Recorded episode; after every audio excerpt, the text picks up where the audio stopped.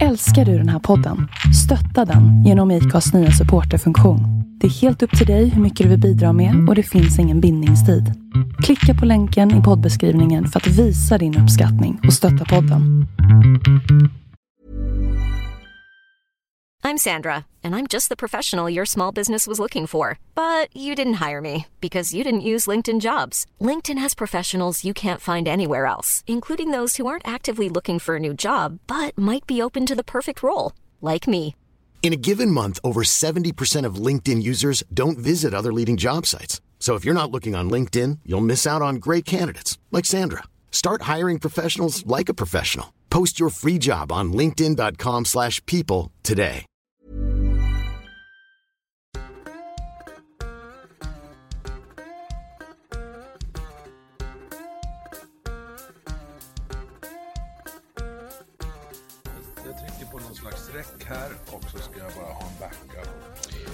Lite kort, jag kan ju köra tre sådana bokrekommendationer kanske i slutet av avsnittet ifall du vill ha det. Absolut. Det är väl det enda jag har på min, det är väl det enda jag skrivit upp. Resten är, resten är säger man freebasar? Nej, Freebasar är ju fan droger. Man säger freestylar. Freestylar, precis. ja Det, precis. det där kommer från, eh, vad heter det, Hassan gjorde en busringning och ringde narkotikatipset. Då sa de freebasar och då eh, spirrade det sig. Ja, det visste jag faktiskt inte jag. Lite på, på, den kan du kolla, narkotikatipset, vilket ju är jätteroligt. Fan vad Det är- roligt det jävla Hassen. Jag tycker inte de har gjort något. Jag, tycker de, det är, jag tror inte de har gjort, eller det är få svenska saker sedan dess som har varit lika roliga. Så är det. Sen var väl kanske, eh, när är du född? Du är 80-talist Ja, någonting, va? 88. Ja, jag är 79. Åh, så herregud. Jag, eh, ja, du ser. Men det känns som vi har börjat, men så här, jag säger välkommen till Martin Bukt till Vi måste prata. Och Martin Bukt förstår ni, det är eh, en superkändis inom en snäv krets av poddlyssnare. Eh, han är den raka motsatsen till mig eh, i mångt och mycket, vilket gör att det här ska bli väldigt spännande att prata. Men vi börjar så här Martin, eh, vem är du på 90 sekunder?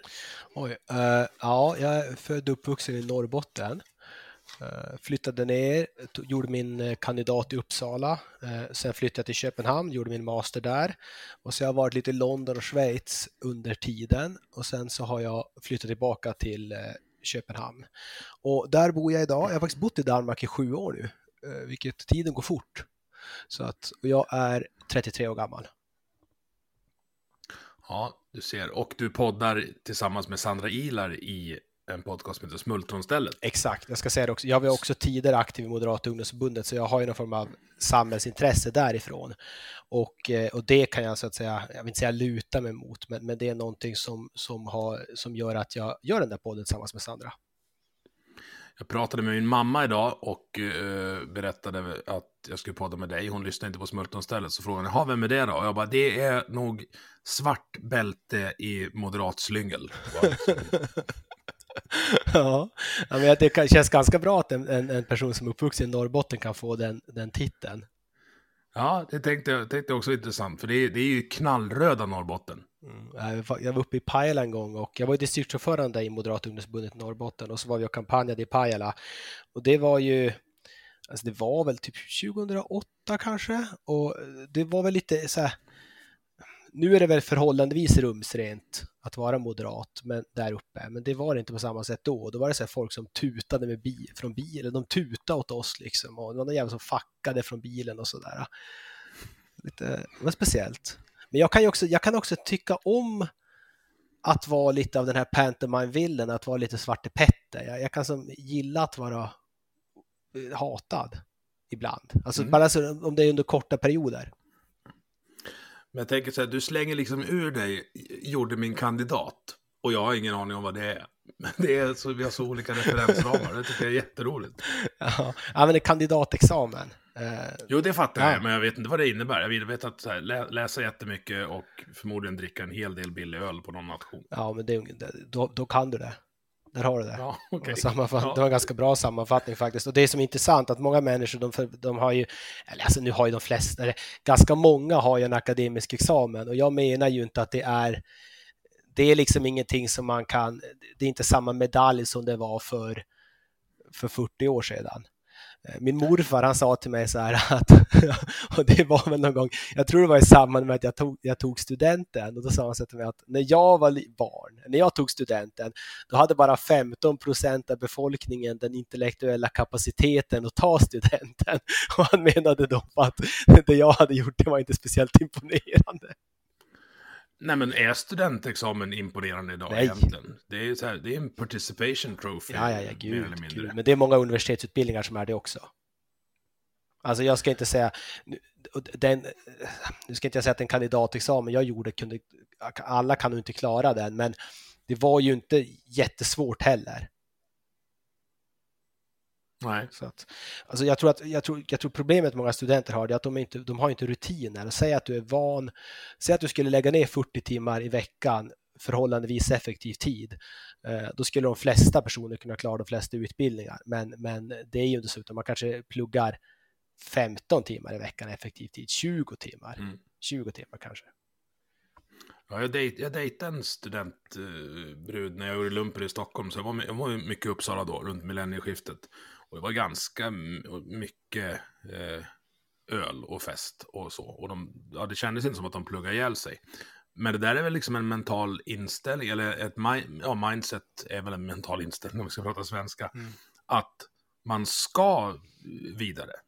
Var det, var det självklart för dig liksom att du, du, skulle inte bli kvar i Luleå? Nej, det var det faktiskt du skulle inte. Iväg. Utan, utan eh, jag jobbar ju på, jag jobbar bland annat på Kjell Company och på, och på Vägverket efter gymnasiet. Så det tog ett par år för mig innan jag bestämde mig för att läsa vidare. Jag hade väl någon tanke om att jag skulle läsa vidare, men det var inte som att jag hade en, eh, jag hade inte någonting utlagt för mig. Och jag tror att det där var kanske lite, om jag ska klaga på Norrbotten, så var det kanske en, en, en, av, en av de mest negativa aspekterna med att växa upp där. Det var ju att man fick inte riktigt speciellt mycket guidning. Jag kommer ihåg att vi hade en sån där syovägledare som besökte vår klass i nian. Och han sa så här, men så länge som man, om man får IG, då har man i alla fall varit på lektionen. Det vill säga det var mycket bättre streck och då satte sig ribban där. Eller kanske var i sjuan mm. var det. Mm. Och eh, sen gick jag till en sån här syokonsulent efter gymnasiet ja, men försökte då att han, jag hade ju hoppats på att han skulle säga till mig, men så här ska du göra för att komma in på den här utbildningen, det här är de utbildningar där du på något sätt kan tjäna mest pengar, att han hade någon form av, han, skulle ge mig någon form av strategisk överblick, men det gjorde han ju inte, utan det var ju det här, ah, vad är du intresserad av? Alltså det var väldigt sådär, uh, mm. ja, den här skolan kan man söka och då skulle man på något sätt till Mellansverige på, något, på någon högskola där, utan det fanns liksom inte, jag menar, när jag har pratat med många som jag känner nu, de har ju vuxit upp i en helt annan de har vuxit upp liksom i en helt annan verklighet nästan än den jag växte upp i. Och de, de har ju blivit coachade från, från, från nästan från de var 13 år gamla, sina föräldrar, inte coachade kanske, men att de har, de har haft någon väg ändå, och säga, typ de här alternativen finns och det här ska du göra, det här ska du inte göra. Jag tror att det där det är kan... en informationstäthet liksom. Precis, och eh, jag, jag, jag, tycker inte att man ska att man ska säga till barn liksom det här måste du göra på något sätt att man ska hålla dem i handen, men däremot så ska man peka dem i rätt riktning och ifall de är på väg i fel riktning då ska man, ska man rätta till dem lite. Mm. Både jag och min fru har, har haft eh, samma syokonsulent och upplevt samma sak. Där var det liksom, det handlade om att få tillräckligt bra betyg för att komma in på gymnasiet så man skulle kunna jobba på sågen eller på ICA. Ja. Det var liksom det som var, var fokus, inte utanför ramen någonting. Men samtidigt, jag har ju, ju äldre jag har blivit, ju mer vad ska man säga, ju mer öppensinnad jag har blivit kring, det, kring, kring utbildning och vad man ska hålla på med och så där. Jag kunde, om jag frågade mig för fem år sedan, sex år sedan, då hade jag, då, då kan jag ibland tänka så här, gud vad tur att jag läste vidare och att jag flyttade från Norrbotten och eh, hade jag inte gjort det, då hade jag varit olycklig idag. Men nu har jag börjat komma till insikt att jag, jag vet faktiskt inte om, om det har gjort mig så jävla mycket lyckligare. Alltså förstår du, det där är väldigt eh, det, det, det, är väldigt subjektivt det där.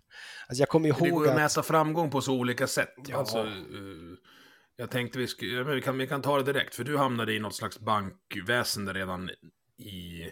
Eller det var ditt, det var ditt din kosa styrdes. Hur, hur, hur hamnade det?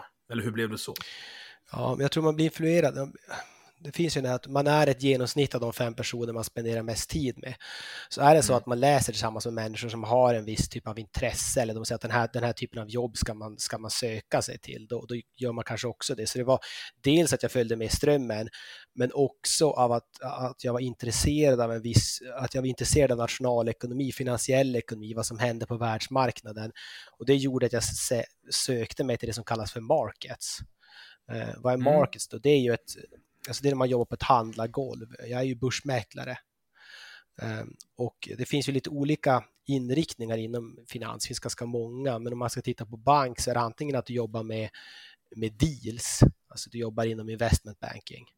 Eh, du vet, nu, nu, nu ramlar du upp så mycket ja. ord och det här var det som var tydligt med. Så här. Ni pratar väldigt mycket ekonomi och jag tror inte Sandra hänger med riktigt. Jag hörde mellan raderna i alla fall. Nej, det kan vara så. Men... Och jag hänger definitivt inte med. Så du, varje gång du drar ett buzzword så, så kommer jag stoppa det nu. Men så här, mm. Men, men vi, vi kan säga så här, precis, det finns väl två spår då. Och vi struntar i det investment banking-spåret, för det är där man jobbar mycket med deals. Men om man tänker på kanske banker och de här finansfilmer, då handlar det oftast om markets. Det vill säga det sitter de här personerna som sitter och snackar i telefon och så ska man eh, stänga affärer och så sitter man framför kanske tre eller fyra eller fem eller sex skärmar. Och så händer det saker ute i världen och, och då, då, kommer det upp information på de här skärmarna att olika typer av finansiella instrument eh, skiftar i värde och så ska man anpassa sig till det. Det är ju markets. Mm. Och, alltså det är snabba ryck så att säga. Ja, precis. Det är ganska intensivt, men, men då jobbar man i regel inte lika många timmar som man gör i andra, liksom andra typer av finansjobb.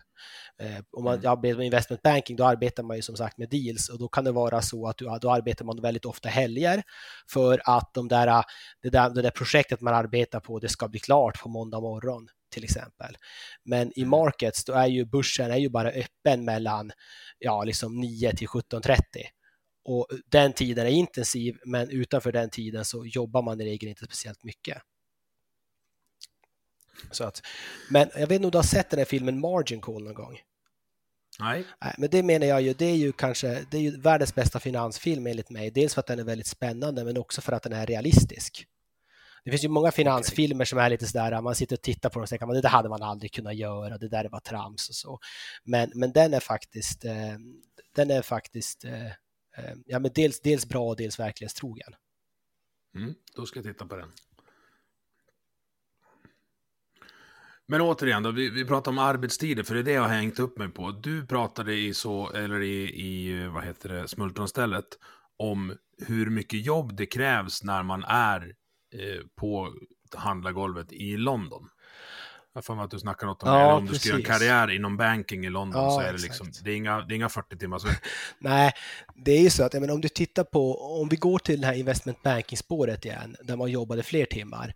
Det kan ju vara så att en analytiker där, och en analytiker det är då den här personen som, vad ska man säga, den, den mest juniora i banken. Mm. Då har man titeln analytiker, analyst. Och en analyst brukar ju brukar jobba då ja, mellan 70 och 100 timmar i veckan eh, om man jobbar i investment banking. Så att, eh, det är ju det är, här, det är motsvarigheten till elitidrott. Det är ju inte hälsosamt. Nej, nej. Och sen är, men, men, sen ska man vara helt ärlig, mycket av det de håller på med, och nu, nu är jag som en marketsperson pissar lite på investment banking. Eh, det är ju mycket sånt här mindless work, det vill säga att du sitter och uppdaterar någon powerpoint och det är några marginaler som ska vara helt korrekta för att det ska bli så jävla fint när man ska presentera det här för kund. Eh, eller att man sitter och knackar i någon Excel och det kan vara att du ska lägga in saker manuellt eller något sånt där. Så, och så kan det vara att det är mycket Facetime också. Eh, för att även om du är klar med ditt arbete så kanske man inte vill gå hem förrän chefen har gått hem. För att du måste visa att du är, du är hungrig och du sitter där. Okej. Okay. Så det är, de är liksom inte effektetiker utan det är mer så här time spent. Precis, och det är det jag gillar med, med mitt jobb. Alltså jag jobbar ju inte eh, på en Londonbank, utan jag jobbar på Nordea och där får jag ju där är det inte den här typen av Facetime-kultur på samma sätt och jag är mycket mer ansvarig för mina egna tider. Eh, till exempel idag har jag jobbat hemifrån och det hade man inte kunnat göra, eller det kan man göra i London nu på grund av pandemin, men, men eh, jag kan ju så att säga göra det trots att, att vi inte har några restriktioner i Danmark. Mm. Men alltså du, du är börsmäklare, då säljer du som du säger instrument. Men all, allting det jag har lärt mig om ekonomi, mycket via, via eran podd, är ju det att det är väldigt få liksom, handlare som lyckas slå Ja, index ja, precis, över tid. precis.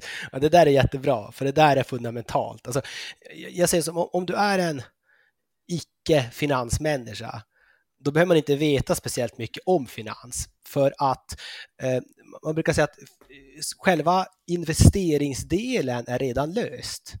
Alltså den har vi, vi har redan funderat, vi har redan liksom kommit på vad den bästa strategin är. Eh, och det som du säger, den bästa strategin det är att man bara ska investera passivt för att det finns ingen som kan slå marknaden över tid. Det kan vara så att någon som Peter Lynch, det är en legendarisk investerare, han kunde slå marknaden under den tid han var aktiv på 70 och 80-talet.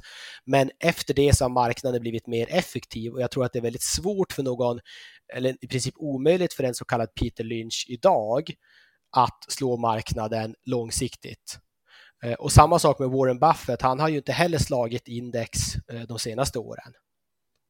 Så, och, och, varför är, och varför är det så? Jo, det är för att om vi säger så, om du kollar på en aktie som H&M eller någon ännu större som handlas Apple och så säger du så att nu ska jag göra en analys på Apple. Du ska sitta och titta, okej, vad är Apples kassaflöde? Vad, vad håller, eh, vad är deras, vilka typer av produkter har de i sin pipeline? Hur många iPhones kommer sälja nästa år? Vad är de geopolitiska riskerna? Hänger du med? Då ska du Mm. alltså spendera, jag menar, du måste ju spendera en vecka på det där, bara för, för, för, liksom bara för att få en överblick av vad fan allt de håller på med. Det är liksom en veckas jobb. Och då måste du tänka på att då finns det alltså tusentals analytiker runt om i världen. På, på, och det här är personer som spenderar, som kör liksom 80 timmars veckor och som sitter och kollar på Apple. Alltså de kanske käkar lunch med Steve Cook, de, de, de är bekanta med alla som sitter i styrelsen, de besöker deras fabriker, de, de liksom, fan de kan ha hedgefonder, de kan liksom ha en, en satellit som sitter och spanar på fabriken i Kina och så kollar de på hur många arbetare som går in och ut, är det mycket sjukdomar, ja då ser de till att sälja aktien på grund av det. Hänger du med? Alltså det finns Mm. ingen möjlighet för dig som vanlig människa att veta mer än de här människorna vet. Så det är bara, det är bara att ge upp. Men, men inte ge upp, för det som är positiva med det där också, det är ju att alla de här människorna, i och med att det sitter så många människor och kollar på Apple, då vet du att det pris som Apple har idag, det är förmodligen det rätta priset. Alltså marknadspriset på Apple är lika med Apples intrinsic value. Jag vet inte vad det heter på svenska, intrinsiska värde eller något sånt där. Alltså det betyder att Apple kostar vad det ska kosta. Och så är det med de flesta aktier. Stora bolag, de kostar vad de ska kosta. Det är väldigt få, det är väldigt få bolag där man på något sätt kan hitta oj shit, det här är felprisat genom att du ska hålla på med fundamental analys. För tittar men man då skulle du ha flyt om du hittar någon Ja, ja, alltså det, det, precis, ja. det är ju det. Menar, aktier går upp, aktier kan gå upp 10, kan gå upp 10 varje, 10% en dag och så ner 10% den andra. Så jag menar, köper Mm. du när det går upp 10% och sen säljer du när det gått upp 10 jag menar, då har du tjänat.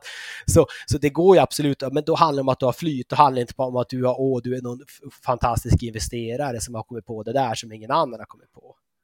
Jag har gjort två sådana race. Jag var med på Wirecard och jag var med på någon kanadensisk cannabisodlare som fick liksom ensamrätt i typ Quebec där de legaliserade. och det stack ju liksom. Det var, ja, men jag, gjorde, jag känner ju typ 50 000 på de två. Ja. Smack bara, över dagen. Mm. Och sen sålde man lite för sent, alltså det gick ju ner igen. Men, det, ja, Men- man ska ju ha en jä, jävla flyt om du hittar en sån. Men just det du säger, det här med att index går och går, det gör ju att när det går ner så får du mer pengar, eller mer andelar för dina pengar. Om du, alltså det är månadssparande du pratar Ah, om ja, egentligen. precis, precis. Så, men- om vi går tillbaka, om vi går tillbaka till ditt exempel, jag tycker det är ganska intressant för att det är väldigt många som köper en aktie, så oj shit, nu har jag gjort ett aktieklipp. Säg nu att du gör tio affärer och så går åtta, eller vi gör fem affärer, så går tre dåligt och två går bra. Vilka kommer du berätta om? Jo, du kommer bara berätta om de affärerna som har gått bra för dig. Du kommer aldrig ringa till dina polare och bara shit, jag, jag torskade 50 lök på liksom, jag köpte Wirecard på topp och så sålde jag liksom på botten. Mm. Utan du kommer bara berätta när du har sålt på vä- köpt på vägen upp och sålt nästan vid toppen. Och det där gör ju att folk som sitter och läser på Twitter, de läser Dagens Industri och så läser man någon jävla rubrik. De här, det här är vårens fem aktier du ska köpa enligt analytikerna. Alltså det där är bara en, alltså det är en jerk off det där. och de, då tror ju folk, alltså dels att deras kompisar har sagt till dem att oj shit vad mycket pengar jag har, jag har gjort på stockpicking och så läser de saker i pressen som är vansinniga och så tänker de att ja, jag kan slå marknaden och så börjar man då köpa vet, man börjar säga ja, men nu, nu, nu, nu, nu ska jag köpa H&M eller Atlas Copco eller Boliden eller Microsoft eller vad fan det nu är. Vet du vad, det är liksom bara jag säger till vanliga människor, eller vanliga, jag säger till alla i princip, jag, jag, jag, investerar, jag sitter inte heller på, jag jobbar i branschen, jag skulle aldrig få för mig att hålla på med stockpicking. Alltså på, på liksom, mm. Utan jag kanske kan ta 10% av mina eh, likvida besparingar och så kan jag, kan jag välja någon enskild aktie för att jag tycker att det är roligt, se om jag kan slå. Men alltså majoriteten av mina pengar är ju bara i passiva eh, passiva ETF, så kallade exchange traded funds och de följer bara ett index. Men sitter inte du och kapar din egen arbetsplats nu lite? Ja, men alltså, jag, jag kommer till det. Eh, det är ju det, jag är ju, alltså, det här är just på något sätt du vet, det är lite ibland i branschen kan jag känna att vet, kejsaren har inga kläder. Förstår du? Det är ingen som vill säga att kejsaren är naken, utan det sitter de på ett kol och berättar att det här är riktigt bra köp och så, så sätter det sig någon, någon sitter i en telefon och så ringer de till en portföljförvaltare och så säger de att det här ska du handla. Men grejen är den att portföljförvaltarens jobb, alltså aktiemäklarens jobb hänger på att att det finns någon sanning i det där. Och portföljförvaltarens jobb, det hänger också på att det finns en sanning i det där. Så att ingen vill ju på något sätt säga till den andra att det är skitsnack. Så att båda liksom låtsas ju att det där, ja men okej, det där ska handla. Och nu, nu är jag ganska taskig. Um, och det finns ju risk att någon kommer komma efter mig för att jag var förbannad. Men, men, det, men ibland så kan man känna att det är lite så, och man ska vara cynisk. Mm. Uh, sen så här, vad gör jag då? Alltså jag är ju också en del med i det här. Jag, jag, jag handlar ju inte aktier som så, utan jag handlar eh, derivat. Och vad är ett derivat då? Jo, det är ett instrument vars värde härleds från värdet på ett annat instrument. Så jag kan till exempel... spegling av något slag. Exakt. Så, och, jag kan till exempel säga nu att om vi tar Apple som exempel igen. Eh, jag kan sälja optioner eller köpa optioner på Apple åt mina kunder. Mm. mm. Och varför köper man då optioner? Jo, det kan vara till exempel så, men säg att du um, men om, om, vi skulle kunna säga, om vi går tillbaka ett steg till, till liksom någonting mer fundamentalt. För att, jag menar, om du tänker sig, varför är, varför gillar inte människor risk? Jag menar, om jag till exempel säger så här till dig att om du får ett, om du får ett vi ska, ska vi slå vad du och jag? Vi slår vad om vi, du skulle kolla på hockeyn ikväll. Uh, vi slår vad att Luleå till exempel vinner mot Frölunda och så sätter vi en miljon. Om Luleå vinner då får jag en miljon och om Frölunda vinner då får du en miljon och ifall det blir lika då, då, då är det ett wash liksom. Uh, skulle du ta det valet? Nej. Nej, det, för det är ju ganska mycket pengar. Men du, vill inte, du vill gärna vinna en miljon, men samtidigt vill du inte tappa en miljon. Och skälet varför du inte skulle göra det, och jag skulle inte heller ta det för den sakens skull, bara så ingen tror att jag sitter här på skitmycket deg, det gör jag inte. Men Skälet varför, vi inte vill, varför, varför det inte är det där vadet speciellt attraktivt, det är för att det gör, ofta, det, det, det, kost, det gör oftast mer ont att förlora en miljon än det är att vi, än man får nytt, glädje liksom att, eller nytta av att vinna en miljon. För ifall du tappar en miljon till exempel, då kan det vara så att du måste fan vet jag, sälja bilen, ta ett större lån på huset, du måste eh, dra ner på matkonsumtionen, åka på Willys och handla ett halvår och sådär för att kunna liksom, ja men för att det blir en ganska stor smäll i din privatekonomi och du får ändra, din livssituation kommer att påverkas markant av att tappa en miljon. Men ifall du vinner en miljon, det, det, är inte så att ditt liv kommer förändras märkbart av det. Du kommer säkert, du kommer sätta in och kanske, säg att du köper någon, du, du, du liksom kör stockpicking för 800 000 och sen så tar du 200 000 och så köper du kanske en, inte vet jag, en motorcykel. Eh, Helt rätt. Och, det skulle inte, men det skulle inte göra så stor skillnad i ditt liv i alla fall ifall du, sku, ifall du skulle få en miljon. Nej. Så därför så är det är det som gör att människor är riskaverta, det vill säga att man föredrar man, ser till, man försöker undvika risk. För att det kostar, det, det, det, det, det gör mer ont att förlora pengar än vad man får så att säga nytta av att vinna pengar. Och, och det gör att om, det är därför människor till exempel eh, kan föredra obligationer där man får 5% per år i avkastning på någon företagsobligation, eh, snarare att man köper en aktie eh, som kanske har 8% avkastning över tid, men vissa år så är den ner 15% och andra år så är den upp 15% Då säger man, då föredrar jag hellre det här säkra kassaflödet som jag får från den här obligationen, trots att det är lägre i snitt över tid. Så. Och då kommer vi tillbaka till mitt jobb. Då. Vad gör jag? Ja, jag kan till exempel sälja försäkringar eh, åt folk, för det är det optionen dels är. Så säg nu att du äger, ja, vi tar någon annan aktie än Apple, säg att du äger Boliden. Eh, och du kanske har en miljon investerat i Boliden och så du, du är sjukt, eh, du är en jävligt stort fan av Boliden av någon anledning, du gillar det. Och, men du säger så här, men om, om Boliden går upp 20 procent i år, då är jag nöjd. För då har jag tjänat 200 000 ifall du har en miljon investerat. Ja, men, mm. Säg att du total avkastning är 20 procent. Ja, men går den upp 20 procent, eller det blir lite mer än 20 procent för total avkastning, säg att prisavkastningen är 20 procent. Och så säger jag så, men givet att det går upp så mycket i pris, då, kommer, då är jag supernöjd. Då behöver jag inte mer. Har jag tjänat 200 000 i år, då är jag happy.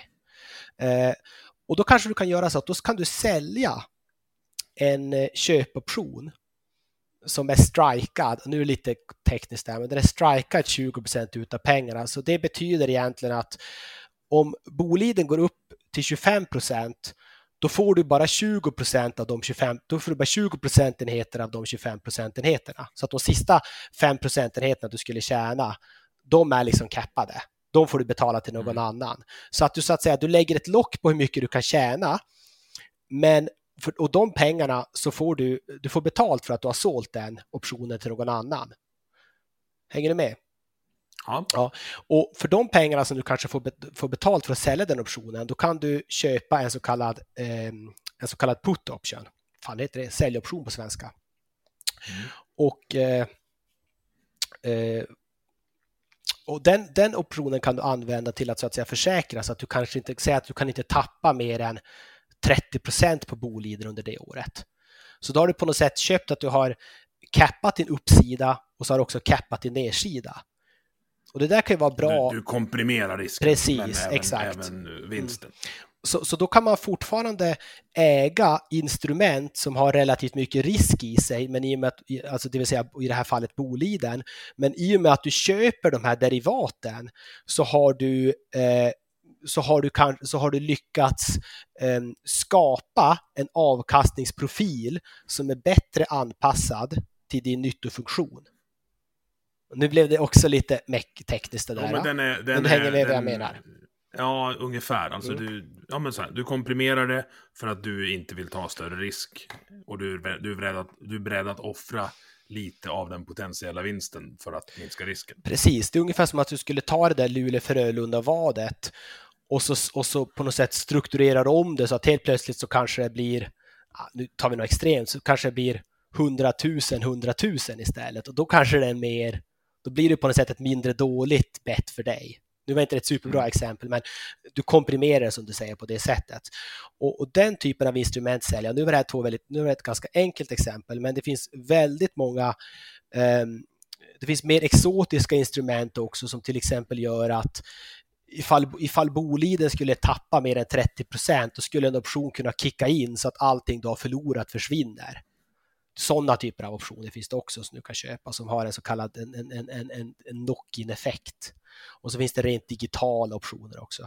Så att det finns saker som du kan göra som du kan addera till din aktieexponering till exempel för att eh, du ska få en av, för att du ska få en risk eller en avkastnings eh, profil som bättre passar dig. Och vad har folk liksom för incitament för att, för att göra det här? För det är alltså du ringer ju upp dem antar jag. Ja. Och, och, så ska du liksom övertyga dem om att det här, det här är bra. Och vad handlar det om för summor? Alltså mitt jobb är inte så säljigt eh, egentligen, utan jag jobbar med större kunder, sådana pensionsfonder och hedgefonder och då är det kanske inte så mycket att man det är liksom inte det här boiler room eh, typen av jobb, utan, men, men, utan man har mer långsiktiga dialoger och det handlar om handlar om, lite, handlar om saker runt omkring. Det handlar om lite bredare servicepaket. Men det kan handla om, ja, alltså det kan ju vara, det är ju många, det är miljarder det handlar om, alltså ren exponering. Blir du inte nervös då liksom när du sitter och tittar på de siffrorna? Eller har du vant dig? Ja, alltså efter ett tag så, alltså, men jag, ibland brukar jag tänka så här, det är klart att Alltså jag har ju varit med om folk som har handlat. Det är inte så här, man kan ju, alltså nu är inte jag trader så det är inte jag som så att säga handlar men däremot så är jag ganska, eh, eller jag är ganska, eh, jag är väldigt involverad i själva exekveringsprocessen så ifall jag gör fel så går det åt helvete. Men det är inte jag som trycker på knappen i slutändan. Däremot så kan jag skicka fel instruktioner och skickar jag fel instruktioner då kommer den där traden bara, han gör ju bara som jag säger då egentligen så trycker jag bara på knappen och så är det åt helvete, så är det åt helvete. Har du, har du gjort det? Nej, det har jag faktiskt inte. Ah, det kan ju vara någon gång det är någon sån där någon sån liten, liksom, jag brukar kalla det för Mickey Mouse-ticket, liksom. att det kan vara någon sån där liten jävel som man har klantat till, men ingenting signifikant och då, och då kan det till och med vara så att man lyckas man lyckas städa undan det på ett sånt sätt så att ingen riktigt märker det, förstår du? Ja, ja. Så att man måste vara bra på att dölja sina, sopa undan efter sig. Sopa undan spåren. Men eh, nej, men, men, men det, jag har ju varit med om att det finns folk som har handlat fel väg. Eh, nu ska, det här är lite, nu är också lite tekniskt, jag ska inte, jag ska inte försöka förklara det här, men, men om man säger så här, när man ska handla optioner så måste man delta hedga ofta och då ska man oftast handla en termin eh, som har delta 1 för att man ska kunna, för att man ska kunna få en... Ja, men jag, jag försöker inte förklara det här, men om det är någon jävel som förstår så får de sitta och nicka med nu. Eh, då ska man handla den terminen som är delta 1 för att så att säga neutralisera ens delta-exponering. Och, när, och det man gör då egentligen, det är att man handlar den underliggande axeln, eller i det här fallet det underliggande indexet när det handlar om en termin. Och eh, då kan det vara så att om, om, om till exempel banken ska köpa den där terminen och så var det så att man säljer den istället, då får man så att säga, då går man motsatta håll. Eh, och ifall då marknaden går åt fel väg medan man har den exponeringen, då kan man förlora massa pengar. Skitsamma, kontentan är att det där har ju hänt någon gång att någon har tryckt på fel knapp eller handlat åt fel håll och så har det kostat sig 300 000 euro, puff. Och det där är ju inte så jävla kul. Som bara är borta. Ja, det är tack och adjö liksom. Men, men, men samtidigt, alltså om du jämför det med att vara, vet jag, kirurg du utför någon ja, hjärnkirurg, du slinter med den jävla skalpellen eller vad det är och så är det någon som dör. Det är ju, tycker jag, mycket, mm. mycket värre än jävla pengar. För mycket av det jag håller på med också, man blir ju lite skadad efter ett tag, alltså det är så kallat funny money. Alltså det är bara pengar på en jävla skärm och jag menar, man ser dem aldrig. Nej. Nej, jag förstår det. Men uh, jag är lite nyfiken. Vi ska, gå, vi ska gå över till politik. För Smultronstället där du pratar i vanliga fall handlar ju mycket om politik. Uh, du är i Danmark. Jag ska, jag ska försöka göra en, en bra segway här. Du, du bor i Danmark nu. Och jag misstänker att det har att göra lite med, med eh, läget i Sverige, men också löneläget. För när jag har läst på lite här, Sverige är en av de nationerna, i varje fall i liksom västvärlden, där det, där det lönar sig minst att utbilda sig så mycket som du har gjort. Mm. Är inte det jävligt konstigt? Ja, nu är i och för sig inte Danmark något bra exempel, men för det har ju också, vi har ju också väldigt höga skatter här. Eh, ja, alltså det är ju det och det, det, det kan jag, jag är ju inte super, jag, jag är inte super, vad ska man säga, förtjust i, i liksom höga marginalskatter och den här tidigare värnskatten och allt vad det är. Eh, det ska jag inte sticka under stolen med. Men, men skälet jag ska säga det var för Sverige, ibland när man tittar på danska löner och svenska löner så framstår det som att danskarna tjänar så mycket mer. Men då ska man ta i beaktande att eh, arbetsgivaravgiften, vi har i princip ingen arbetsgivaravgift i Danmark så att den dras, det är liksom en del av skatten på ens bruttolön istället. Så att bruttolönen är, är mycket... för löntagaren. Precis, och det tycker jag är mycket bättre, för jag tycker att det där arbets... oh ja. alltså arbetsgivaravgiften, är, det är ju för jävligt egentligen att människor tror att de betalar mycket mindre skatt än vad de faktiskt gör. Det hade ju kanske varit en av de första saker jag hade gjort som statsminister, att jag hade gjort allting transparent. Mm. Och sen hade jag försökt förenkla det så mycket som möjligt. Så att varenda skattehöjning man gjorde skulle synas, alltså för medborgarna, väldigt direkt. Och sen så jag skulle jag också se varför till typ att... Almega och Timbro inte går ut och liksom alltså, säger åt alla medlemmar alltså, men nu skriver ni ut arbetsgivaravgiften på lönebeskeden. Börja med det nu. Ja, Det tror jag skulle vara typ den effektivaste högerpolitiska vi har- kampanjen någonsin. Sen kan man ju diskutera hur effektiv vår höger i Sverige är också. Det är väl det det handlar Jag tycker om. inte att, att vi har någon. Det är Nej. det som är problemet. Och, och jag menar, och jag har ju pratat med folk som sitter ganska högt upp i, i, i partier på högerkanten och så har jag då sagt att borde inte, borde inte det ligga, eh, borde inte en hög prioritering för er vara att förenkla skattesystemet? Och då har de sagt till mig att den dagen vi förenklar skattesystemet till den grad att, liksom till den grad att folk slutar vara förbannade på det, då kommer debatten sluta handla om skatter och kommer den handla om någonting som vi inte är lika starka på, till exempel miljö. Och det vill man inte. Så att det finns ett, Men de det har där, liksom ett alltså, det egen... politiska... sp- Ja, ja, det finns där ett egenintresse politiska att snå ett skattesystem. Jag tycker att vi har lite, alltså jag tror att vi har för korta mandatperioder. Så att man liksom, du har typ 18 månader på dig att göra någonting efter att ha tagit regeringsmakten. Resten av tiden handlar om att bli omvald. Ja, alltså, ja, nu, är det, nu är det mycket bättre i Sverige i och för sig än i USA om du tänker på att de har val vartannat år, så det är ju liksom en konstant kampanjande där och det tycker jag ju är, Mm. är fruktansvärt. Eh, men jag håller med dig. Jag, jag, tycker att, jag tycker att mandatperioderna kunde gott vara längre. Vi förlängde mandatperioderna på 90-talet. Jag får att vi förlängde dem väl 90, så att 94 till 98. Det var väl den första fyraåriga mandatperioden. Eh, Men, men innan dess var det tre. Men jag håller med om att de hade gott Mm. kunna vara fem eller sex år också. Så. Men, men alltså det är där, men det är där jag tycker kanske, det är därför jag inte riktigt eh, valde att inte eh, liksom engagera mig politiskt i någon jag satt ju i Moderata ungdomsförbundets förbundsstyrelse, men efter det så, så slutade jag ju. Och det var ju för att jag såg att, att, att politik och idéer, det är som två olika saker. Och sen när man väl skulle komma in i riksdagen och sitta där, då blir man ju, då är det väldigt stor risk att man blir en knapptryckare. Alltså det finns ju väldigt Mm. lite en enskild riksdagsledamot kan göra. Om man inte skulle vara, det man kan göra kanske, det är väl att man skulle använda riksdagsplattformen till att till att påverka opinionen och Hanif Bali är den person som är, har varit mest framgångsrik menar jag eh, någonsin som riksdagsledamot när det kommer till, när det kommer till, till det. Och det är för att han är så slagkraftig på Twitter eh, främst. Men han kastar dem under bussen och gör sig av med för att han är lite för jobbig. Alltså jag tycker man Ja. köper motståndarsidans narrativ där. Alltså egentligen man ska säga, ja men det ni håller på och, och prata, pratar om Hanif här, det är ju trams. Och sen lägger man på luren. Jo, jo, precis. Ja, men Jag förstår inte att jag, det ska vara så svårt. Nej, men jag, jag, jag, jag, jag kan hålla med dig, för jag tror att problemet är att när man köper den här verklighetsbeskrivningen eller man köper deras grundargument, då, då flyttar de på, direkt fram positionerna, så det går, du vinner aldrig genom att göra så. Och det är det han är för väldigt bra på, att han har ju gått till, han är ju väldigt duktig på att gå till effektivt motangrepp och så lyssnar han inte riktigt på de här, du vet, jag med tjatet om hans ton och sånt som vänstern Mm. gillar att, att ta upp. Eh, Men, men du ser också det med Hanif att han hade ju gott kunnat fortsätta som riksdagsledamot men problemet är att han är ju ändå förhållandevis marginaliserad inom partiet. Alltså han kommer inte, han satt ju som någon ersättare i något gruvutskott, mineralutskott eller vad det var. Så att han var ju inte Han vart ju mer och mer bortputtad. Han Ja, var ändå exakt. partistyrelsen ett tag. Mm, han vart ju det. Det. Men det var ju då han på något sätt eh, skötte sig lite bättre sett, sett, sett från partiets perspektiv. Sen när han började kritisera Carl Bildt, och, vilket, vilket jag menar är legitimt, eh, jag tycker Carl Bildt är ganska överskattad, eh, så, så blev han ju eh, lite persona non grata hos många. Du är extremt självsäker i, i dina argument, både när du pratar ekonomi och, och politik nu. Det- Har du alltid varit så? Ja, jag tror att jag har alltid haft en ganska bestämd uppfattning om saker och ting.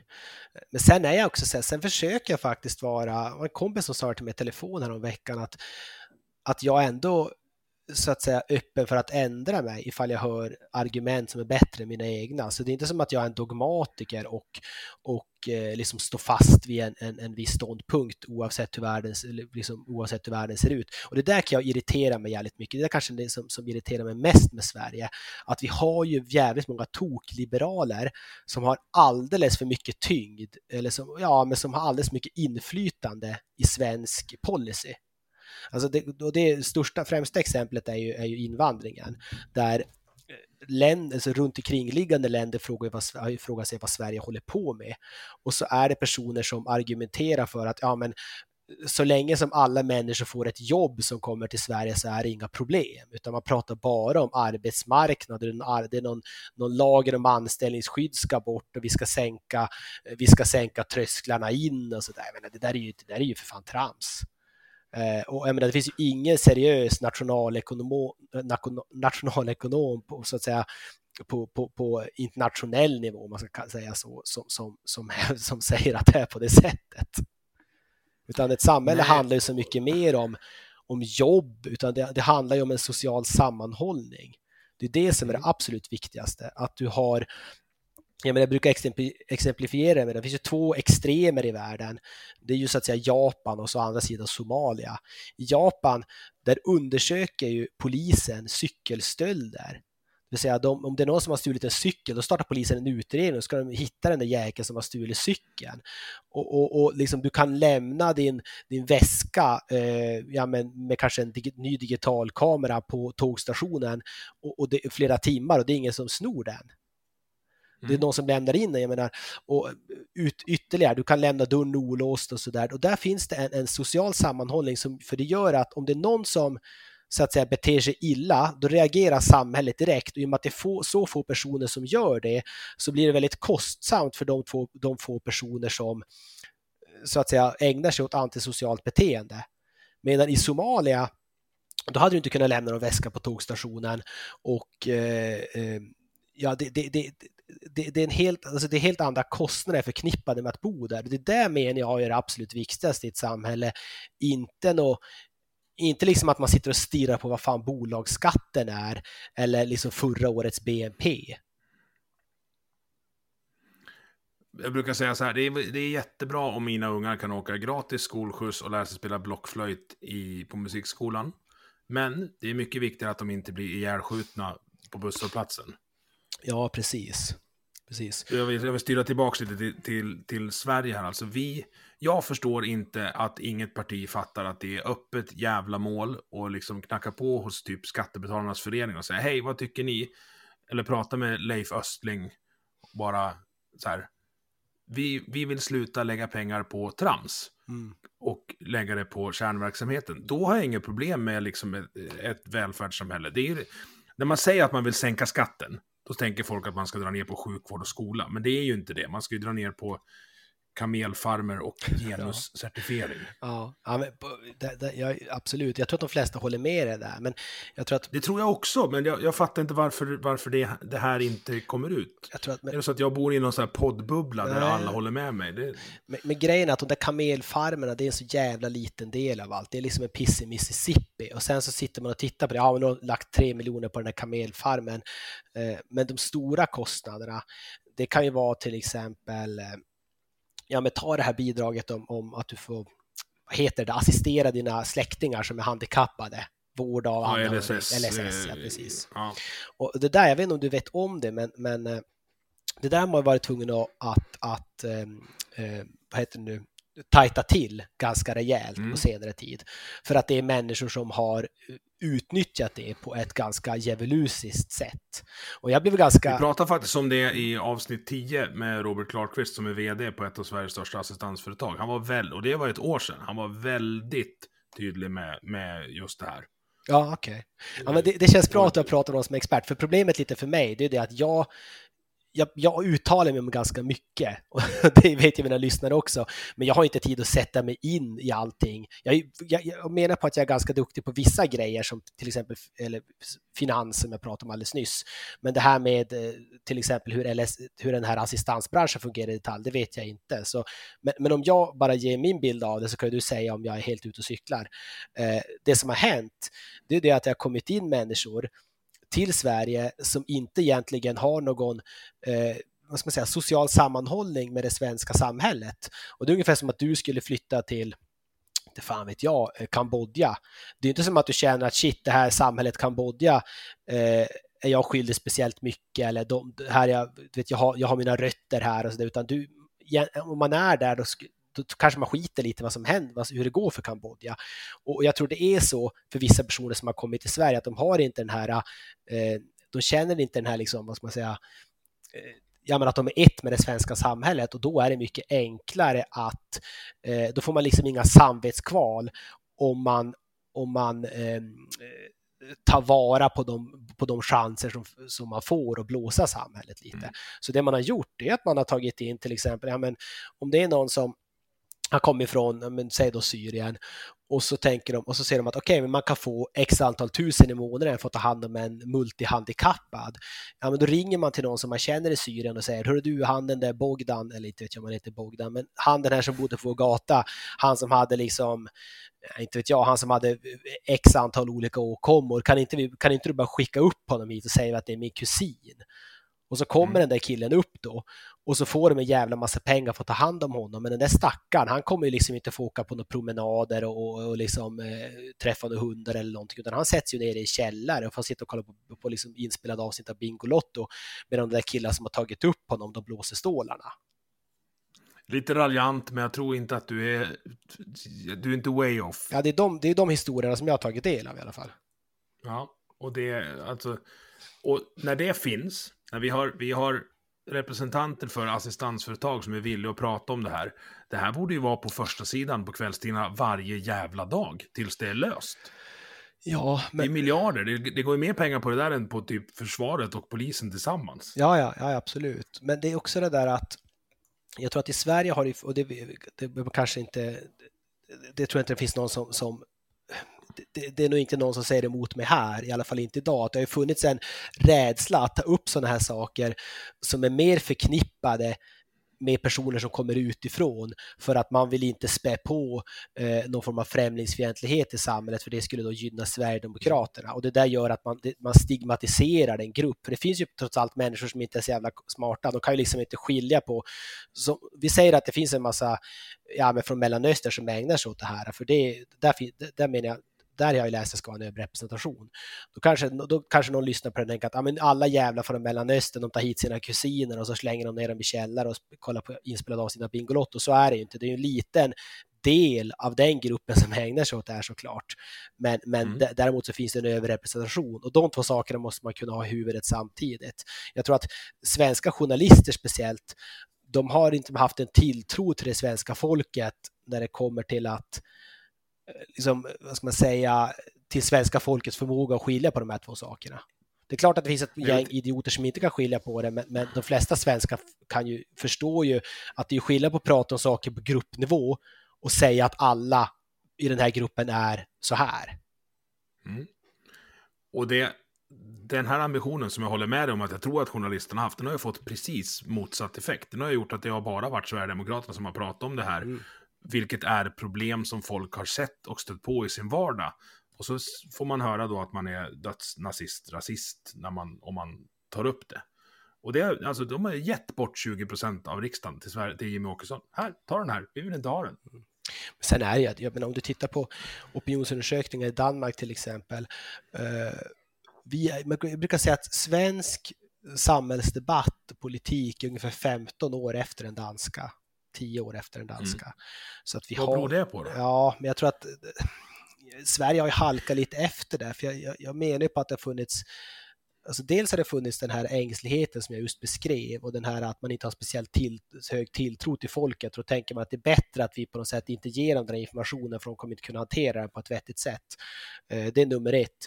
Och nummer två är att man fokuserar väldigt mycket på, eh, jag tycker man oftast fastnar i en metadebatt.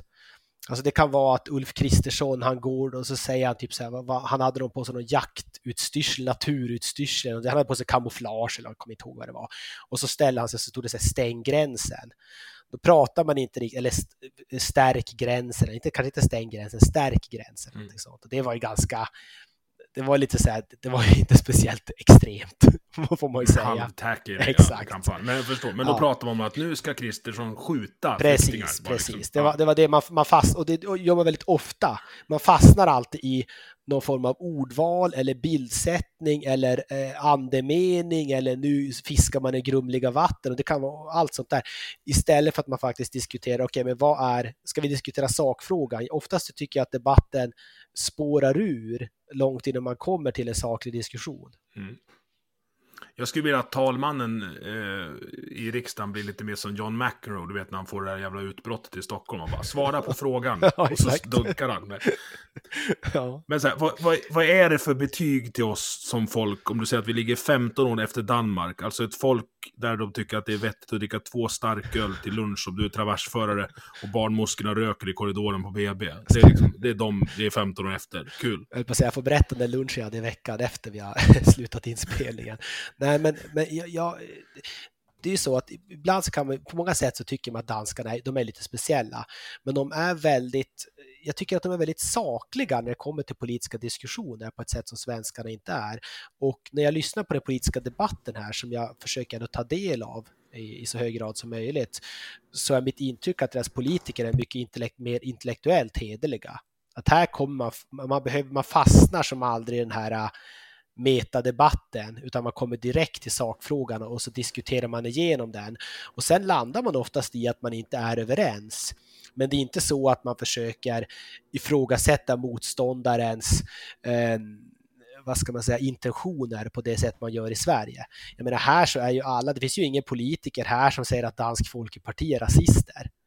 Jag menar Socialdemokraterna säger ju till och med att, jag menar, om du tittar på deras integrationsminister och Mette Fredriksen, statsministern, hon säger att Dansk Folkeparti, det, det är ju ett, liksom ett, ett parti med människor som älskar Danmark. Sen håller de inte med dem, men, men, men, men de, de, de, på något sätt, det är aldrig den här typen av personangrepp som vi, jag tycker vi har i Sverige, eller att man ifrågasätter andra, andra människors karaktär. Nej, jag, jag hävdar med bestämdhet att det beror på att Finland, Norge och Danmark var tvungna att gå igenom puberteten som land under andra världskriget, medan vi vart söndercurlade och såg inga tyska järnvägsvagnar. Ja, jag, jag, tror att, jag tror att det ligger någonting i det, att vi har någon form av skuldkänsla för att vi inte slogs mot Hitler. Ja. Nu slogs ju finnarna med Hitler, men de slogs i alla fall mot Stalin. Ja, men de slogs ju för Finland. Exakt. Alltså de, de snackar om att göra, göra sakpolitik, så ja, vem, vi måste välja sida nu, annars kommer vi bli mosade i mitten. Mm. Nej, men jag, jag, jag håller med Men- dig där. Jag tycker att jag, jag, jag, men jag känner ändå att Sverige på något sätt har blivit, det är mycket, det är mycket sundare debattklimat idag än vad det var för tio år sedan. Alltså tio år sedan, då var det ju peak idioti menar jag, när Reinfeldt satt vid makten. Eh, det var ju katastrofalt dåligt. Och eh, eller vänta nu, han fick ju faxen, ja just det, det här var hans sista år då. Tänk att det är nästan, det är nästan tio år sedan han var statsminister, Reinfeldt.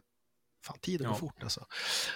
Men, men, eh, ja men säg då 12 år sedan, alltså där vid 2010, då var det så här verkligen att man nästan på något sätt skulle, eh, det var liksom en sport att tycka tvärt emot vad Sverigedemokraterna tyckte. Tyckte Sverigedemokraterna någonting, det var, var det per automatik fel.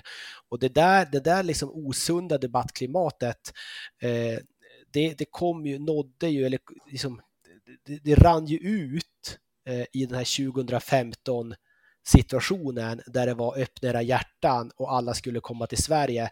Och så pikade det kanske lite i den där galan de hade i Globen med Malena Ernman, den här Refugees Welcome-galan som bara var så här, det var liksom bara känslor och det var liksom, fanns ingen logik i det överhuvudtaget utan det var på något sätt att alla skulle få komma till Sverige och söka skydd. Och sen ifall det var någon som ifrågasatte det och sa, men vänta nu här, är man verkligen flykting ifall man, ifall man rör sig genom sju säkra länder och, så för, och sen för att komma till Sverige, ifall man på något sätt har, man har sagt nej till att stanna i Polen, man har sagt nej till att stanna i Danmark, man har sagt nej till att stanna i Ungern, men så kommer man till Sverige, varför kommer man hit då? Är det för att flyr man genom de här länderna eller kommer man hit för att, för liksom av, av ekonomiska skäl? Och den diskussionen Sverige vill hade ju inte ha. andra villkor, så det vart ju en liksom pullfaktor upp Ja, ja. Och det är det ju ingen som säger emot idag, även om det pratas väldigt lite om Men det. då, men då, Men då fick man ju inte prata om det. är ju också... Nej, nej, nej, nej. Peak-hyckleri är också att Sverige är ett av länderna som skrev på Dublin-förordningen, som är anledningen till att de drunknar på Medelhavet. Ja, ja, precis. Det är ju det är, är liksom EU-fördrag som, som med det här transportörsansvaret, alltså för er som Mm. inte vet det, så var, eh, de fick, flyktingarna fick inte flyga hit, för att då var flygbolagen skyldiga att flyga tillbaka dem om de inte fick asyl. Vilket gjorde att flygbolagen tog inte på dem, så då fick de åka gummibåtar över Medelhavet och drunkna. Men där har ju Danmark gjort någonting. Danska socialdemokraterna har drivit igenom, eller de håller på att driva igenom en förändring nu som jag tycker är väldigt smart. Eh, Så ifall du ska söka asyl i Danmark, då måste, ska du söka asyl i ett, från ett annat land. Så säg nu att Danmark, Mm. de försöker till exempel få ett avtal med, ja men kan det vara med Eritrea eller inte kanske Eritrea, men något sånt där typ, eh, ja men Eritrea eller något sånt där land där nere, Egypten kanske. Och om du då som Af- från Afghanistan säger att okej, jag vill söka asyl i Danmark, då, kan du inte, då, då ska du inte åka till Danmark för det, utan då åker du till Egypten och så går du till någon typ av dansk center där och sen så söker du asyl och får du avslag och medan du väntar på att få eh, liksom, ditt besked, då, då stannar du i Egypten. Och sen ifall du får avslag, ja då är du inte i Danmark när du får avslag och då blir det inte problemet för danskarna att de måste på något sätt hitta massa illegala eh, invandrare och skicka hem dem, utan då är de ju i Egypten. Då får Egypten i sådana fall, vill de inte åka från Egypten, då är det Egyptens problem.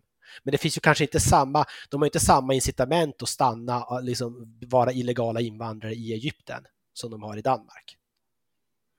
När, när du säger det här till folk, du, alltså du låter ju ganska hård och avskalad. Du, du, du, du är ju Excel-ark av folk. Liksom. Ja, men, men det är lite jag- så här, det är så här den danska, danska vad heter nu, invandringsminister Mattias Tesfaye beskriver också, ungefär på, alltså på ett liknande sätt. Så danskarna är ju mer direkt när de pratar om sådana här saker. Man, man känner inte samma behov av att linda in allting och sen komma med fyra, fem disclaimers som man ibland gör i Sverige. Sen har ju jag pratat om det här ganska mycket smult och stället och det här är ju lite min ton också. Eh, så de två, det är de två sakerna i kombination. Ja, för ska man, ska man koka ner det så handlar det ju om att räkna på saker och ting. Det är ju det enda politik handlar om. Och det dummaste argumentet jag får, som jag hör ganska ofta är det här, ja men nu sätter du grupp mot grupp. Det är väl för fan det politik handlar om. Du kan inte ge samma hundralapp till, eller samma krona till två personer. Ja, ja men det handlar om inte. prioritering, absolut. Men sen är det så att jag är ju inte, alltså, jag vill inte heller beskriva mig som någon sån här du vet, dogmatisk högerdåre, för att jag ser ju också, alltså jag har ju också, jag har kanske när jag har blivit äldre har jag fått insikt om att alltså, människor har ju olika förutsättningar. Och jag menar, det är, Mm. och- och det måste man på något sätt anpassa samhället till. Eh, så att jag tycker till exempel att det är helt sjukt, om vi går tillbaka till det finansiella, att de senaste 12 åren, eh, 15 åren, så har vi haft eh, räntor som har legat i botten, som har gjort att artificiellt låga räntor som har gjort att de som har ägt tillgångar, bostäder, aktier, Rolex-klockor etc. Det har skjutit i värde. Medan de människorna som har inte ägt så mycket tillgångar, alltså de, de personerna som oftast har, som har det kna, sämre ställt i samhället, de har inte fått vara med på den här så att säga, eh, vad ska man kalla det, hissen upp. Uppgången. Ja. Ja.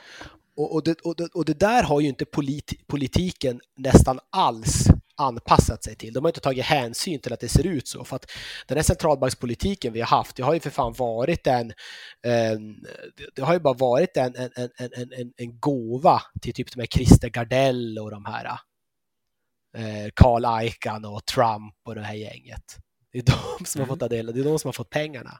Eller det är de som har fått ta del av den här politiken i, i eh, eh, högsta, hög, högsta grad.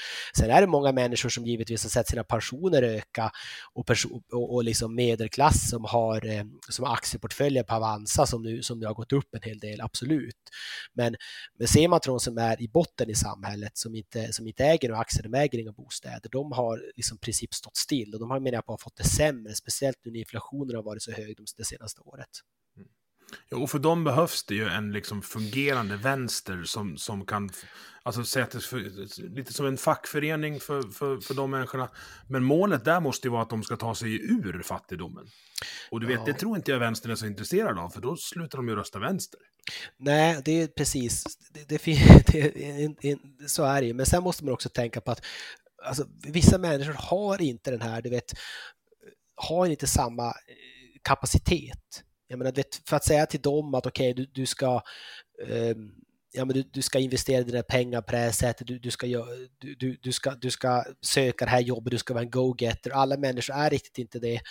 Ehm, och jag tycker att det kanske liksom, säg att du vill jobba som städerska, eh, du ska städa skolor och så bor du i en hyreslägenhet. Alltså det, den personen som gör de valen och inte så att säga väljer, och även och kanske inte väljer att ha någon side business och vara någon hustler, de måste också kunna leva ett drägligt liv.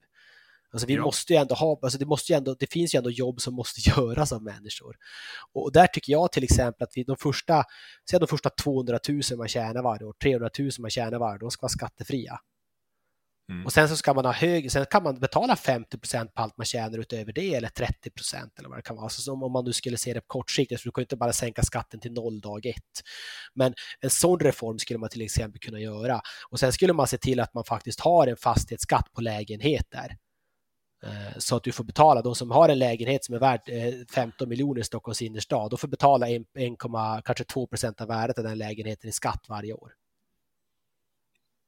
Det är ing, alltså, jag har ingen koll på det, jag bor ju i hus. Alltså är det ingen skatt på Nej, bostadsrätter? Nej, det är inte det. Och jag menar, det där är ju helt, och det där är ju något som jag tycker är helt jävla bisarrt.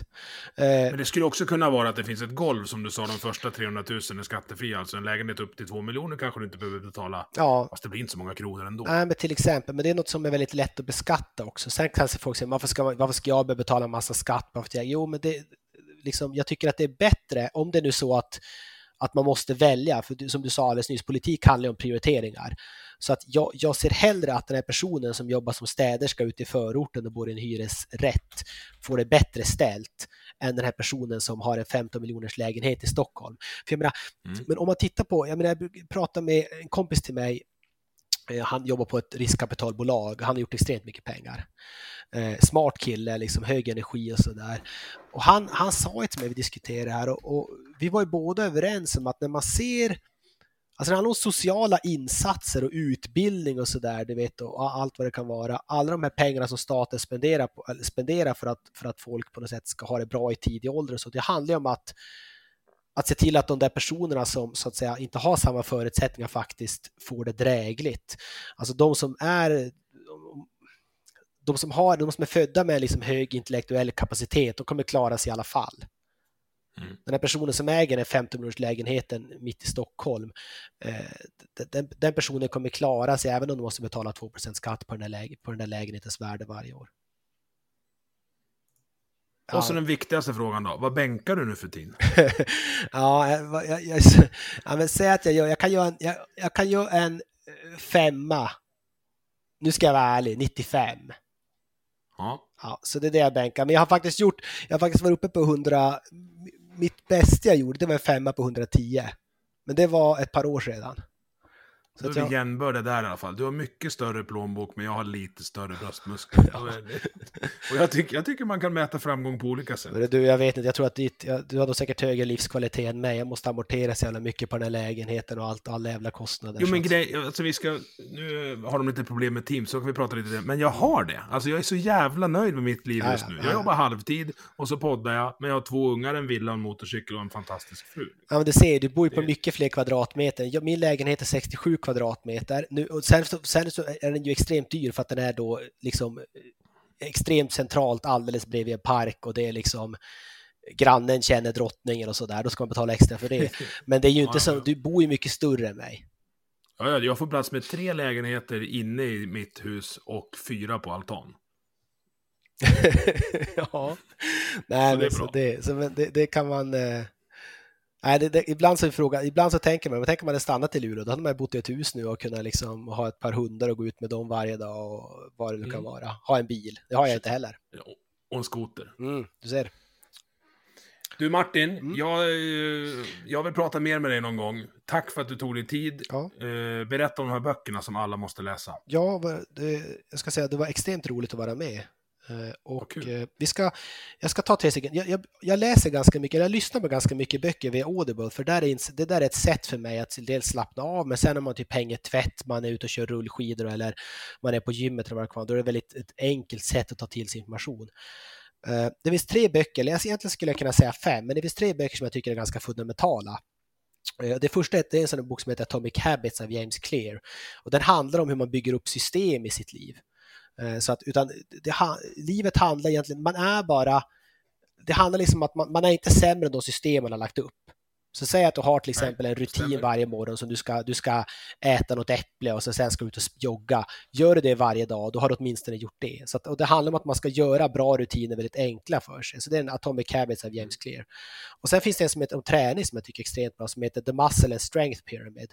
Och så finns det en som heter typ som The Nutrition and Health Pyramid. Och de två är skrivna av en kille som heter Eric Helms. Och det är som en, en, en, en vetenskapligt sätt att se på träning. Alltså det handlar om alltså hur, många, hur många reps ska man göra och hur mycket ska du variera dina övningar? Vad är det forskningen säger? Alltså det är inte den här typen av bro science som man gick på när man, när man var på gymnasiet, vet att man skulle på något sätt. Och så handlar det också om att, att den träningsschemat, det bästa träningsschemat det är det du kan hålla. Alltså Mm. det här att du ska inte som, är folk som börjar köra fem gånger i veckan och så kör de två veckor, sen lägger de ner och så är det ka- pannkaka. Det där tänkte jag på när vi pratade investeringar och sparande också. Så det är precis samma sak där.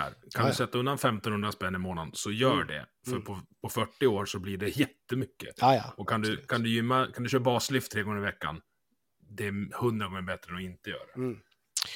Eh, och sen en sista då, eh, eller en tredje då, som heter A Random Walk Down Wall Street av Burton Malkiel. Och det där är en extremt bra bok som handlar om hur, hur alltså marknadens effektivitet och hur man ska spara och vad man ska undvika och vilka typ av fonder som är bra, hur man ska tänka.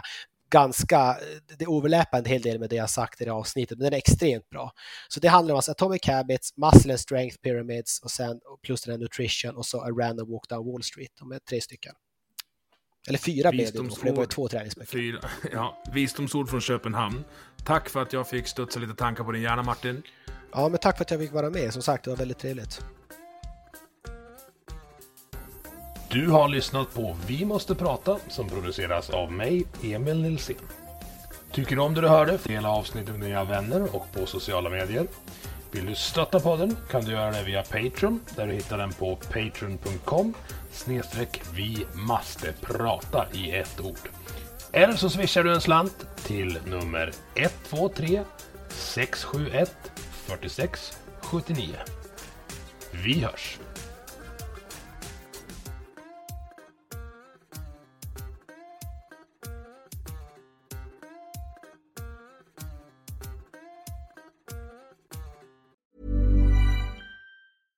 Imagine the softest sheets you've ever felt. Now imagine them getting even softer over time. That's what you'll feel with Bowl and Branch's organic cotton sheets. In a recent customer survey, 96% replied that Bowl and Branch sheets get softer with every wash. Start getting your best night's sleep in these sheets that get softer and softer for years to come. Try their sheets with a 30-night guarantee. Plus, get 15% off your first order at bowlandbranch.com. Code BUTTERY. Exclusions apply. See site for details.